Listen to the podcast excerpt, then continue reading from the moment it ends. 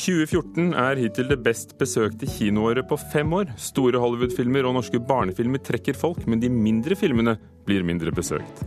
Sterke følelser i den danske dikterfenomenet Jaha Hassans dikt, sier vår anmelder etter å ha lest den norske gjendiktningen. Genial markedsføring, mener PR-ekspert, etter at spillselskapet rakte nyheten om popartist Tone Damlis nyfødte barn. Karl Ove Knausgård skriver nydelig om fødsel, men mindre interessant om mennesker generelt, sier en kritiker som har lest hans nye essay. Og hun kommer hit til Kulturnytt her i Nyhetsmorgen med Ugo Fermariello i studio. Året i år er så langt det best besøkte kinoåret siden 2009, takket være norsk barnefilm og store utenlandske filmer. Folk velger bort de mindre kjente filmene, tror kinobransjen selv. Kan jeg stille deg et spørsmål? Hvor ofte er du på kino? Fire-fem ganger i året, kanskje. Hva ser du da? Barnefilm. ja. Barnefilmer? Ja. Hva slags type filmer liker du å se da når du først skal på kino? Så Du har jo de store som alltid får stjerner i kritikk og sånn, som man egentlig må se. Det er en fantastisk oppfinnelse. Et prompepuller som ikke lukter noe. Ah, kan liksom ikke bruke det til noe. For det er nettopp norske barnefilmer som Dr. Proctors prompepulver og de store Hollywood-filmene som The Wolf of Wall Street som folk vil se på kino for tiden. Nærmere 350 000 publikummere har nå sett prompefilmen basert på Jo Nesbøs bok. Pappa! 2014 er til nå det best besøkte kinoåret på fem år. En halv million flere billetter er blitt solgt i år, sammenlignet med samme tidsrom i fjor. Og det kan norsk barnefilm og storfilmer fra Hollywood ta mye av æren for. Vi vet at besøket på kino varierer nå mer enn før med de store filmene, det vi kan kalle populære eh, publikumsfilmer. Det er ikke lenger sånn at folk går på kino for å gå på kino. Sier administrerende direktør i bransjeorganisasjonen Film og Kino, Lene Løken. For det at storfilmer fra Hollywood og norske barnefilmer drar opp kinobesøket, går utover en annen type filmer, de såkalte mellomfilmene. Filmer som verken er omtalte smale kunstfilmer eller brede, store filmer. Eh, det er klart at Når folk kan laste ned serier og filmer, og filmen fins på alle kanaler, for å si det slik, så må det være noe ekstra før du går på kino. Løken mener derfor det er viktig å fokusere enda mer på målrettet markedsføring fremover. Vi bruker for mye av midlene på å produsere filmene og for lite på å markedsføre dem, lansere dem og følge filmene ut på kino frem til publikum. Litt rart, egentlig. For jeg føler jo eh, absolutt at vi alltid har vært målrette. Sier Jarle Namtvedt, markedssjef i Norsk Filmdistribusjon. Men han innrømmer at det er vanskeligere å nå ut med de såkalte mellomfilmene. Konkurransen om, om å få både oppmerksomhet både redaksjonelt og mediemessig, og, og kjøpte annonseringer og sånt, er jo større enn det noen gang har vært tidligere. Sånn. Tror du at det til slutt kan bli sånn at kinoer nesten ikke vil sette opp såkalte mellomfilmer, fordi folk velger de vekk? Nei, det tror jeg ikke. Det tror jeg å strekke ting litt for langt. Eh, jeg tror nok mer det at det går over mer at man gjerne spesialiserer. At eh, enkelte kinohus eller uh, kinosaler og sånt blir brukt til uh, litt sånne ting. Og det ser vi jo òg litt tendensen til rundt om allerede. Sa Jarle Namtvedt til uh, reporter Christian Ingebretsen. Kjetil Lismoen, redaktør i filmbladet Rushprint og filmkritiker i Aftenposten. Hvem har skylden for at de mindre såkalte mellomfilmene ikke vises? Det er eh, et altså, komplekst uh, svar på det. Det er derfor du er her? Ja, en, en, årsak er som, altså en liten årsak er det som nevnes her, altså eh, at folk laster ned. Men andre årsaker er f.eks. at den internasjonale filmindustrien har kuttet ned på produksjon av mellomstore filmer. Altså, nå er det, som det ble nevnt her, de store blockbusterne eller de smale filmene man satser på. Og, og, vi, selv om vi er på en måte statssubsidiert, så har vi blitt dratt med litt i, i, i den retningen, vi også. Men så er det også det at uh, norsk film har gått veldig bra de siste ti årene. Har f.eks. For fordrevet en del skandinavisk kvalitetsfilm fra kinoene. Så det er, det er det er mange årsaker. For det var jo et fenomen at Monica Zett og Monica Zetterlund f.eks. ble sett av nesten en million i Sverige og veldig få i Norge. Ja. Men så kan man jo spørre om, om markedsføringen er god nok. Jeg, jeg syns ikke at man markedsfører for dårlig i Norge, men man må jo erkjenne at filmproduksjon er øh, det er en, altså en, viss gambling forbundet med det, og de færreste filmene går veldig bra. Sånn er det over hele verden. Eh, og, men, men, fordi det er så kostbart, så må man være veldig bevisst det med å markedsføre og prøve å nå frem til så mange som mulig. Men hvilke filmer er det vi snakker om? Vi snakker om mellomfilmene. Altså Det er uh, de som For å si det enkelt, da. De som ikke er uh, blockbustere. I Norge er f.eks. Max Manus Kon-Tiki-filmen en blockbuster. Uh, I USA så er det alle disse svære filmene som kommer om sommeren.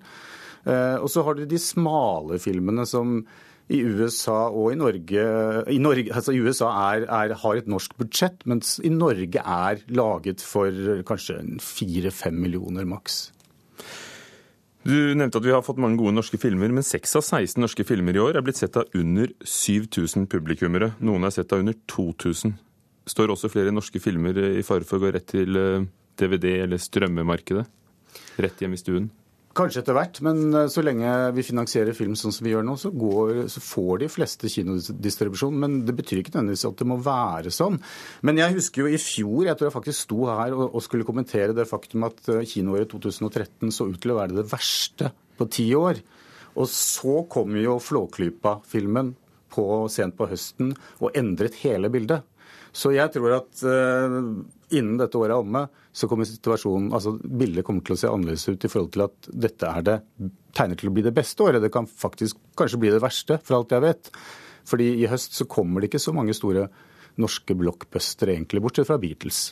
Men er de norske kinofilmene avhengig nettopp av de store barnefilmene eller titler som på en eller annen måte drar veldig mange? Ja, Uten barne- og familiefilmene så ville det sett helt annerledes ut. Da ville vi ikke på en måte snakket om noe kino, altså publikumssuksess for norsk film de siste ti årene. Vi har snakket om de store filmene, mellomfilmene. Men hva med de smale og små filmene? Ser du en fremtid for dem i kanskje spesialiserte kinoer? Jeg så en veldig stor framtid for de i forbindelse med digitaliseringen av kinoene, eh, som vi sluttførte i Norge for to-tre år siden. Eh, men jeg er litt skuffet. Eh, det som var fordelen med digitaliseringen, var jo at man sparer kostnader, og man kan programmere mer komplekst og gi rom for nisjene og, og, og, andre typer filmer og små filmer. Men jeg syns ikke kinosjefene sammen med distributørene har utnyttet de mulighetene som ligger der. Eh, så jeg er litt skuffet over det. Takk skal du ha, Kjetil Ismoen, redaktør i Rushprint. Vi skal høre at eh, det ikke blir journaliststreik. Det ble i natt enighet i tariffoppgjøret for 4100 journalister. Avtalen innebærer en gjennomsnittlig lønnsøkning på 8000 kroner, og rammen havnet på 3,3% Norsk Journalistlag og Mediebedriftenes Landsforening ble enige drøyt tre timer etter at forhandlingsfristen utløp ved midnatt. Ungdommer skygger unna nettdebatter. Ifølge en ny undersøkelse fra TNS Gallup er ungdommer eh, redde for å diskutere kontroversielle saker som innvandring, homofili eller religion på nettet, skriver Dagens Næringsliv.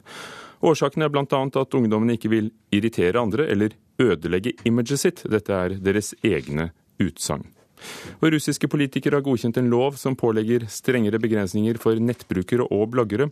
Loven innebærer at populære blogger og nettsider må registrere seg hos myndighetene på samme måte som massemedier. Vedtaket betraktes av kritikere som et fremstøt fra president Vladimir Putin for å stagge opposisjonen på nettet. Russiske myndigheter avviser kritikken og sier russere er frie til å mene hva de vil.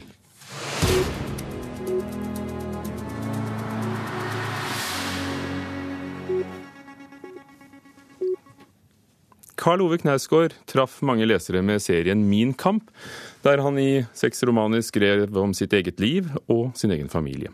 I går lanserte han en ny bok. Han har skrevet et essay i en ny kunstbok om nakker, som i kroppsdelen nakke. I går spurte Dagsrevyen ham og fotografen om hvorfor de har gjort det. Min oppfatning er vel at jo særere noe er, jo ofte jo bedre er det. Jeg har aldri sett det så tydelig før. Hvordan et nytt menneske bokstavelig talt blir løftet inn i fellesskapet av andre mennesker. At det er det som skjer. Et nyfødt barn har ingen muskler i nakken. Og sårbarheten og hjelpeløsheten i det er absolutt. Og boken heter ganske enkelt 'Nakker'. Fotografiene er av Thomas Vågstrøm, som vi hørte le her i, utdraget. Og Knausgårds essay har tittelen 'Ansiktets baksider'. Litteraturkritiker i Dagsavisen Gerd Elin Stava Sandve. Hva slags bok er det? Ja, Det er jo som du nettopp sa, ei fotobok med et essay. Ehm, dette er to personer som har eh, samarbeidet tidligere med tidligere fotobok. Da var enda større fokus på fotoene. Nå er Knausgård tydeligere på plakaten enn sist. Eh, fotografiene er svart-hvitt, viser menneskets eh, bakside, sier, som Knausgård formulerer det. Uh, unge, gamle kvinner, menn, gutter, jenter. Uh, og uh, fotografiet tatt bakfra, rett og slett, som viser halsen og skuldrene. Til dette kom et essay eh, som da Knausgård har skrevet.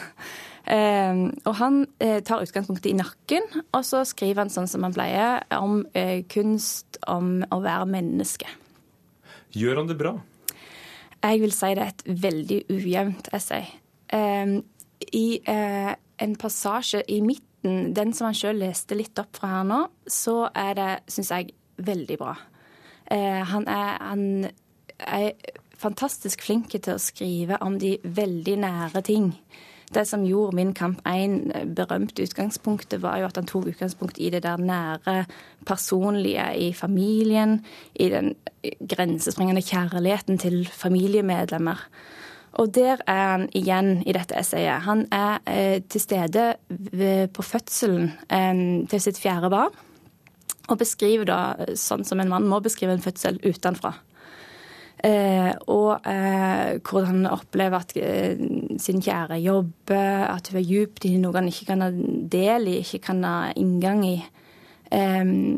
og hvordan han ja, ser på urkreften i arbeid, rett og slett. Så kommer barnet ut, og han lurer på om barnet i hele tatt lever. Og da er jo da poenget liksom nakken, dette med at det, dette er en sånn mellomposisjon mellom liv og død i vår kropp. Så den passasjen eh, kan skrive om de nære, kjære ting, eh, syns jeg fantastisk flotte. Men så er det det der litt mer sånn filosofiske og idétekniske før og etter. Der syns jeg det er mindre interessant, det er mindre nytt. Eh, det er kanskje mindre ferdigtenkt. Knausgård har jo sagt at han på, skriver på en ny roman, og han har skrevet mange før. Hvordan ser du dette essayet i sammenheng med hans forfatterskap? Jeg tenker at du kan si at dette essayet er en slags sånn eh, oppsummering av hans forfatterskap. Eh, nei, det er vel feil. Ikke oppsummering, men en sånn eh, mikroversjonen av eh, hans eh, større forfatterskap, nemlig det at det er så vanvittig ujevnt. At det handler både om altså, rent fortellende om de nære ting, og, og mer sånn filosofisk filosoferende om hva det vil si om mennesker menneske osv. Så, videre. så det er liksom mikro av en helhet. Han eh, får jo mye oppmerksomhet eh, som eh, forfatter, og han utgir disse på sitt eget forlag, og, og er blitt en litteraturpersonlighet. Fortjener et sånt essay på 14 sider som essayet er oppmerksomheten? Ja og nei. Det er alltid interessant, det Knausgård skriver. Det er ikke likegyldig. Eh, og jeg vil jo si at det, det stemmer at Knausgård får veldig mye dekning, ikke minst å være en forfatter. Men det er også veldig mye basert på eh, romanene sine, sitt tog ut i verden. Eh, Hoveddekninga av Knausgård er ikke hans stikk, men dette at han nå gjør det stort i utlandet. Takk skal du ha. Gerd Elin Stava Sandve, litteraturkritiker i Dagsavisen, som hadde lest eh, essayet til Karl Ove Knausgård i boken 'Nakker'. Du hører på Kulturnytt i Nyhetsmorgen. Klokken er 17 minutter over åtte. Overskriftene. Funksjonshemmede melder ikke fra om overgrep fordi de er redde for å miste hjelp. En dødsdømt fange i USA døde av hjerteinfarkt etter å ha vært prøvekanin for en ny giftblanding i natt. Det er fortsatt fare for streik blant de kabinansatte i flyselskapet Norwegian. Meglingen ble avbrutt i natt. Den blir trolig tatt opp igjen om noen dager. Norsk designråd og Norsk Form slås sammen fra og med i morgen. Og de to institusjonene blir til Norsk design- og arkitektursenter. Navnet sier mye, men det sier ikke alt. Og Sigrun Vågeng, styreleder nettopp i det nye Norsk design- og arkitektursenter, hva skal dere være? Vi skal være et miljø som fremmer designdrevet innovasjon. Og vi skal være en samfunnsaktør, en formidler av norsk design og arkitektur. For eh, oss i publikum, eller for eh, industrien? For begge deler. Det er det som nettopp er med Norsk design- og arkitektursenter. Vi skal fremme og rådgi og gi gode råd til næringslivet når det gjelder designdrevet innovasjon. Men vi skal fortsette å være en samfunnsaktør. Allerede i dag er det jo mer enn 50 000 besøkende til utstillere på senteret vårt i Hausmanns gate 16 i Oslo. Der sa du det. Det er et uh, flott senter som er nybygd for noen år siden i Oslo, i en uh, gammel uh, transformatorstasjon. Men hvordan skal dere nå ut til hele landet, for det er jo et mål? Det er absolutt et mål. Vi skal fortsette det gode arbeidet som Designrådet og Norsk Form har gjort fra før. Være en stemme i samfunnsdebatten. Vi skal ta del på alt fra sosiale medier til utdanning for ungdom, som vi har drevet med frem til nå. Så jeg tror det norske folk også skal merke at vi er et norsk design- og arkitektursenter, og ikke bare en adresse i Oslo. Men hvorfor i det hele tatt slå sammen disse institusjonene, som jo har gjort alt det du sier? Både den forrige og den nåværende regjeringen eh, var opptatt av at vi skulle ta ut det beste av norsk design og arkitektur og måten vi jobber på. Det er jo sånn at Design i dag dreier seg ikke bare om design for industrien, som du nevner. Det er i veldig stor grad tjenestedesign, som vi i, absolutt i stor grad også trenger i offentlig sektor. Og Samtidig så har vi hatt disse to miljøene som har sittet i samme hus. Og vi ser at her er det mye å hente ved å, å, å gjøre dette sammen. Og Det er bakgrunnen for at regjeringen har satt av 75 millioner kroner på statsbudsjettet til dette arbeidet. Skandinavisk design er et begrep, det er det over hele verden. Men um, et inntrykk er i hvert fall at ofte tenker folk på Danmark og Sverige. Hva kan dere gjøre for at de også skal tenke på Norge, og ikke bare tilbake til 50- og 60-tallet, men nå? Ja, de, Det er jo riktig. Jeg tror Hvis du går og spør eh, en nordmann, så vil de veldig fort kunne nevne alt fra Alvar Alto til Arne Jacobsen. Så har vi kanskje problemer når vi kommer til Grete Prytz Kittelsen og den delen. Eh, vi skal fremme det bl.a. gjennom utstillinger. Allerede i mai har vi en, en utstilling som heter Nordic, Nordic Design Fair på senteret. Og det er jo nettopp for å vise fram den delen. Men aller mest så må jo vi være den som driver programmene rundt designdrevet innovasjon som næringslivet kan benytte seg av, som offentlig sektor kan benytte seg av, slik at vi kan få fram enda flere som kan jobbe på dette feltet. For Hva, hva mener du med designdrevet innovasjon? Hva, hva, gjør det med de tingene og de tjenestene folk lager? Eh, jeg tror ikke vi som eh, en vanlig nordmann, vi, vi, vi, tenker ikke over egentlig hvor mye design er en del av hverdagen vår.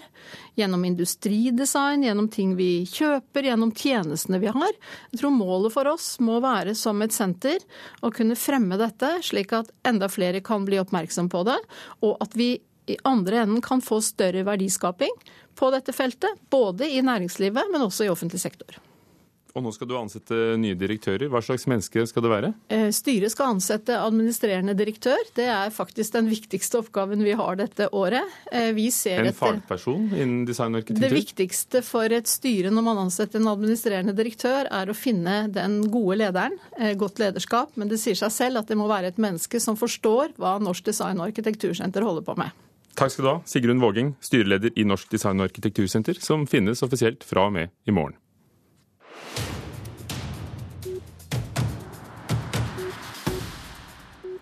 Spillselskapet Betson vil eh, satse mer på kjendisnyheter, og det var nettopp Betson som først brakte nyheten om Tone Damlis fødsel denne uken. Og samme selskap har kjøpt medierettighetene til fotballspiller Jon Arne Rises bryllup i sommer.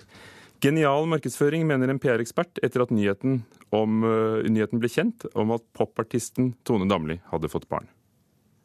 As long as you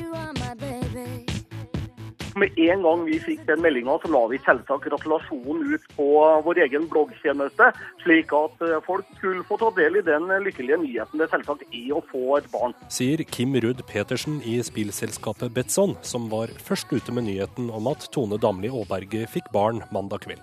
Selskapet er Damlis sponsor, og fikk melding om fødselen samtidig som NTB. Betson vant nyhetskappløpet og ble sitert som kilde av medier som VG, Dagbladet, TV 2 og Se og Hør. Nå vil Betson satse mer på nyheter om kjendisene de sponser. Folk liker å lese om dem, de liker å høre om dem, hva som skjer.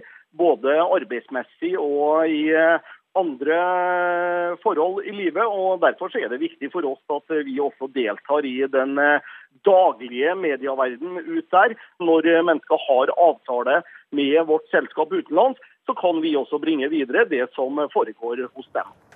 Partner i PR-byrået Arctic PR og tidligere journalist Pål Espen Hambre er imponert over Betssons strategi. Ja, jeg syns de har veldig god grunn til å være eh, fornøyd med det. Det var et uh, genialt uh, sjakktrekk for å plassere seg sjøl inni den kjeden av verdi som tidligere har vært forbeholdt større mediekanaler. Det er ulovlig for utenlandske spillselskaper å drive med tradisjonell reklame i Norge. Derfor har Betson og andre spillselskaper de siste årene satset tungt på sponsing av kjendiser. Tone Damli, Jon Arne Riise og Triana Iglesias er bare noen av kjendisene som er bettingselskapenes ansikter utad. Betson har også kjøpt medierettighetene til John Arne Rises bryllup i sommer. Og det er bare begynnelsen, tror Pål Espen Hamre. Ja, definitivt. Eh, spillselskapene er som sagt tvunget til å tenke mer kreativt enn eh, veldig mange andre aktører, fordi at de har så strenge begrensninger for hva de kan gjøre. De må tenke annerledes. Og her har noen eh, kreative hjerner funnet ut noe som i utgangspunktet er helt nytt. Og denne typen aktiviteter tror jeg vi kommer til å se mye, mye mer til i årene fremover. Fordi at kampen om å få være en del av nyhetsbildet blir stadig større.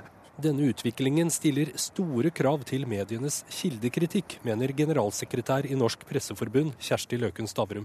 Dette er et viktig eksempel eh, som viser eh, hvorfor det er viktig å tenke over hvem som leverer nyheter, og hva de som leverer nyheter står for. Pressen er nødt til å oppgi kilder for hvor man henter informasjon fra. Og fordi en kjendis her da har solgt seg til et gamblingselskap, blir mediene nyttige idioter og bedriver reklame for en virksomhet som er forbudt i Norge. Og kilden her var Kjersti Løken Stavrum, reporter Halvor Haugen. Den danske debutanten Yahya Hassan har fått uh, veldig mye oppmerksomhet i Danmark, og også i Norge, for diktene sine om en voldelig oppvekst og et oppgjør med religion. Den er trykket i 100 000 eksemplarer i Danmark, og nå er uh, diktsamlingen som heter Yahya Hassan kommet på norsk. I går besøkte den unge dikteren Ibsenhuset i Skien. Reporter Knut Øyvind Hagen spurte ham om hvilke lesereaksjoner som uh, har gjort størst inntrykk på ham. De ting som gjør mest inntrykk på meg, det er øh når folk med samme baggrund som meg øh, kan se ud over offerrollen og kan se ud over øh, religiøs øh, indoktrinering og, og kan relatere til de ting jeg snakker om. At der er en forståelse og at der er øh, et grunnlag for at vi kan tale med hinanden uten at vi skal betrakte hinanden som fiender eller som modstandere. Yahya Hassan han er virkelig blitt eh, lagt merke til, og kritiker her i NRK, Marit Grøtta. Er han en så god dikter som Alviraken Al-Wiraken skulle tilsi? Ja, han er mye mer interessant litterært sett enn det jeg hadde trodd. Han skildrer jo oppveksten sin i diktform, og det gjennom eh, utvalgte episoder og scener som er talende. Men veldig mye er holdt tilbake, veldig mye sies indirekte, ikke minst det følelsesmessige. Så det oppstår et veldig emosjonelt trykk her. Og formen er veldig inspirert av rap, så det er ganske prosanært og lettlest, med bruk av effektive poetiske grep, sånn som bokstavrim, gjentagelser, paralleller og nyord. Og Det er også ett langt dikt mot slutten som gjør bruk av innvandrerstang og et slags gebrokkent dansk, som er eh, skrevet da med en veldig klar eh, litterær effekt. Kan du beskrive den? Hva handler diktsamlingen om? Ja, Det er en oppvekstskildring hvor vi følger eh, Hassan fra barndom til ungdom og mot, altså veien mot å bli forfatter. Så Sånn sett så er det en del av den selvbiografiske bølgen. Og Knausgård nevnes jo også som en inspirasjon i boken. Men dette er jo ikke hvilken som helst oppvekst som eh, nordmenn flest vil kjenne seg igjen i. For han skildrer jo en oppvekst i en innvandrergetto i Danmark, med, som er eh, islamsk dominert, og med en autoritær og voldelig far. Og videre en ungdom hvor han er småkriminell og tilbringer store deler av livet på institusjon. Og etter hvert så blir han jo altså forfatter. Og han skriver om livet sitt med sosialt og politisk engasjement som, som er veldig slående. Og til tider kan dette minne om et stykke naturalistisk litteratur, der arv og miljø blir veldig avgjørende for et menneskeliv. Og nå er den her på norsk. Hvordan er eh, gjendiktningen av Pedro Carmona Alvarez, som jo også er forfatter? Jo, den er god. Han har gjort et godt stykke arbeid med å få dette til å fungere på norsk. Han har bevart stilen til eh, Hassan. Ikke forenklet eller forflatet, og heller ikke gjort for mange krumspring. Men det er mange forfattere som har tatt fatt i sin egen oppvekst eh, før ham. Hva, hva er unikt ved denne 18-åringen? Eh, dette er jo en stemme vi ikke har hørt før. Eh, og han skriver jo om eh, Han skriver fra et sted og fra en gruppe som nettopp ikke blir forfattere. Og, og som nettopp ikke kommer ut av den onde sirkelen som han beskriver. Så dette er dette er en ganske interessant stemme å høre, som er et ganske viktig bidrag til litteraturen nesten overflødig spørsmål. Vil du anbefale Yahya Hassans bok 'Yahya Hassan'? Jeg vil absolutt anbefale den. Uh, han, han, jeg vil også si at han må leses mye bredere enn på denne islamkritiske grunnlaget. Fordi det er en generell kritikk av alle autoriteter her som gjør livet ufritt. Så det er ikke bare islamkritikk, det er også en stor grad av autoritetskritikk. Takk skal du ha, Marit Grøtta. Kulturnytt var ved Espen Alnes, produsent, Hans Ole Hummelvold, teknisk ansvarlig, og Ugo Fermariello, programleder. Hør flere podkaster på nrk.no podkast.